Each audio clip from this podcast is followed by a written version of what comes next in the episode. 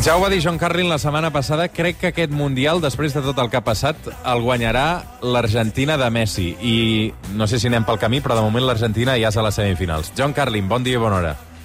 Buen día, Roger. Mira, te digo, estoy, no sé si agotado o revolucionado después de, de ayer. O sea, primero hice mi columna para la vanguardia, que lo hago todos los viernes, siempre me quedo un poco frito al final, y después cuatro horas o más de un fútbol de una intensidad, eh, unos nervios, eh, y ante todo, porque bueno, yo siempre voy con Argentina en el Mundial, así que en el segundo partido sufrí eh, un montón. Pero aquí estamos, ahí sigue Argentina y, y quién sabe, si, si con un equipo bastante mediocre, pero con un crack para la eternidad, igual lo acaban ganando.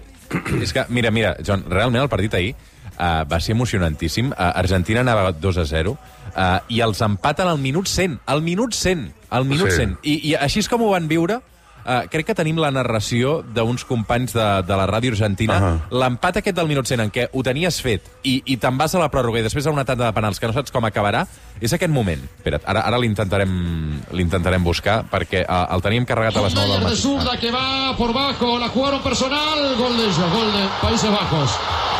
Gol de Países Bajos, jugada preparada con Meiners. Gol d'aixòs, eh? Empata el partido, increíble. Increíble, A los increíble. 55 minutos. 55. És, a mi em fa molta gràcia com els argentins celebren gol nuestro, gol nuestro o gol d'ells, no? El gol de ellos. Sí, sí. Eh, la diferencia es, brutal. No, lo curioso fue que cuando, cuando Messi marcó el segundo gol argentino de, penalti, faltando, no sé, como 20 minutos, pa- parecía que ya estaba atado. Los holandeses se los veía totalmente impotentes y de repente Argentina se fue para atrás, como que de- dejaron que Holanda tuviera la pelota, que bombardeara el área con balones y ya tenía un, altote que salió y que marcó un gol de cabeza y pero, pero la verdad es que el hecho de que después de ese, ese golpe durísimo la moral que en la prórroga realmente dominaron y deberían haber marcado eh, demuestran que lo que tiene Argentina más que nada es una, una voluntad, unas ganas feroces, porque talento hay muy poco en ese equipo. Y hay dos o tres troncos, los habrás visto, Roger. Este Sí, sí. Rodrigo de Paul, el Acuña. Uf, o sea, a veces era como ver un partido de, de mitad de tabla de segunda división.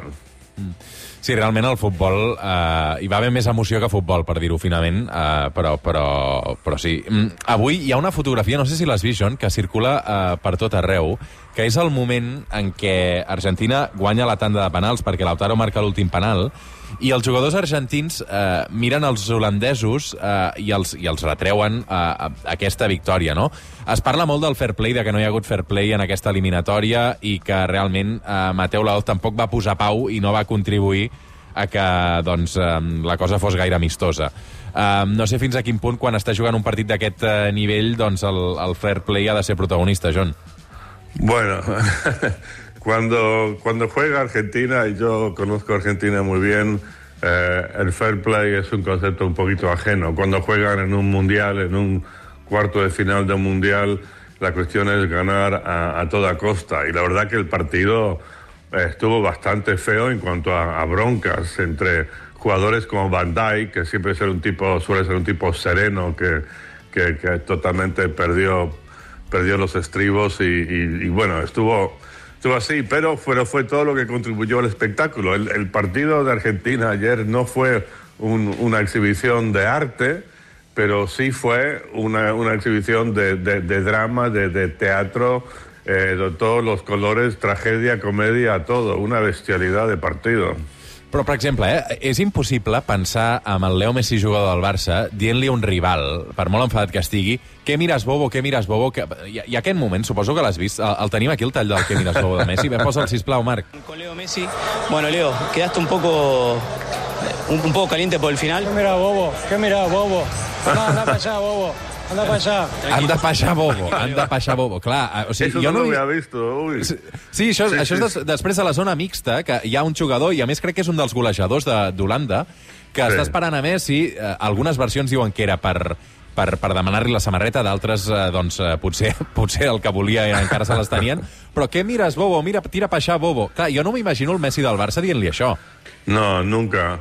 Lo que pasa es que, es que para Messi esto, esto ya es casi una cuestión de, de, de, de vida o muerte. O sea, él, desde que dejó el Barça y se fue al Paris Saint-Germain, está claro, y lo hemos comentado varias veces, aquí, Roger, que para él lo más importante ha sido este mundial, todo apuntado a esto. El Paris Saint-Germain ha sido una especie de lugar para entrenar, para mantenerse en forma, para no lesionarse en preparación para esto, que seguramente es su último mundial. Él sabe eh, la enorme presión que hay sobre él, que, que para realmente una, para una vez y por todas se lo declare el mejor de todos los tiempos, tiene que ganar el mundial.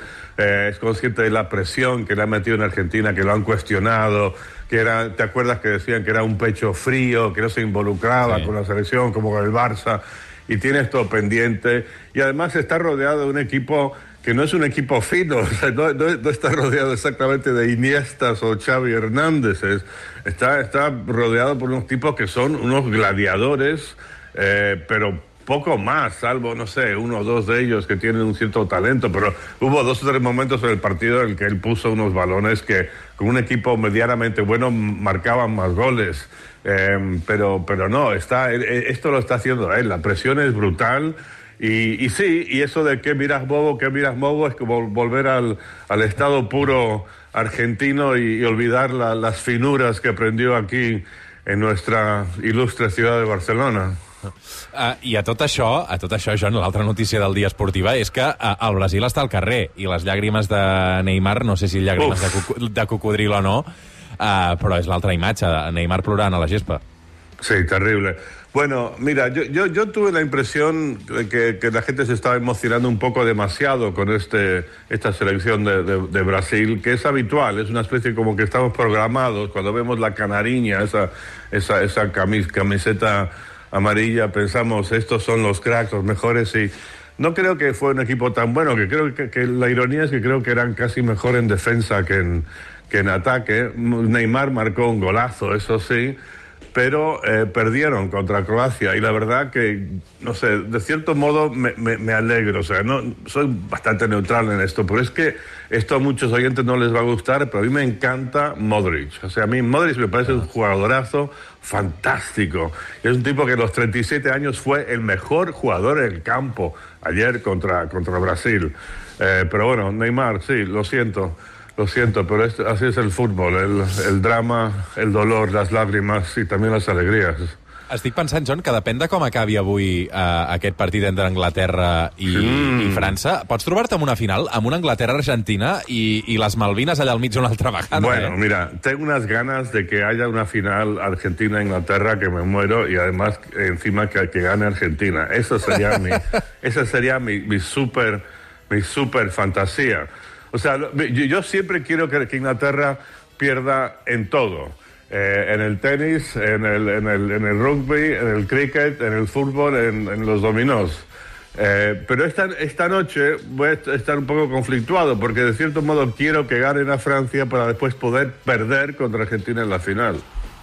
Doncs eh, tot això ho viurem eh, dissabte que ve, si et sembla bé, John, eh, i ho comentarem perquè la final és diumenge que ve, eh, per tant Sí. tenim encara una setmana per veure el Mundial Sí. i a veure si realment aquest somni humit que tens eh, s'acaba produint. Una abraçada, John, bon dissabte.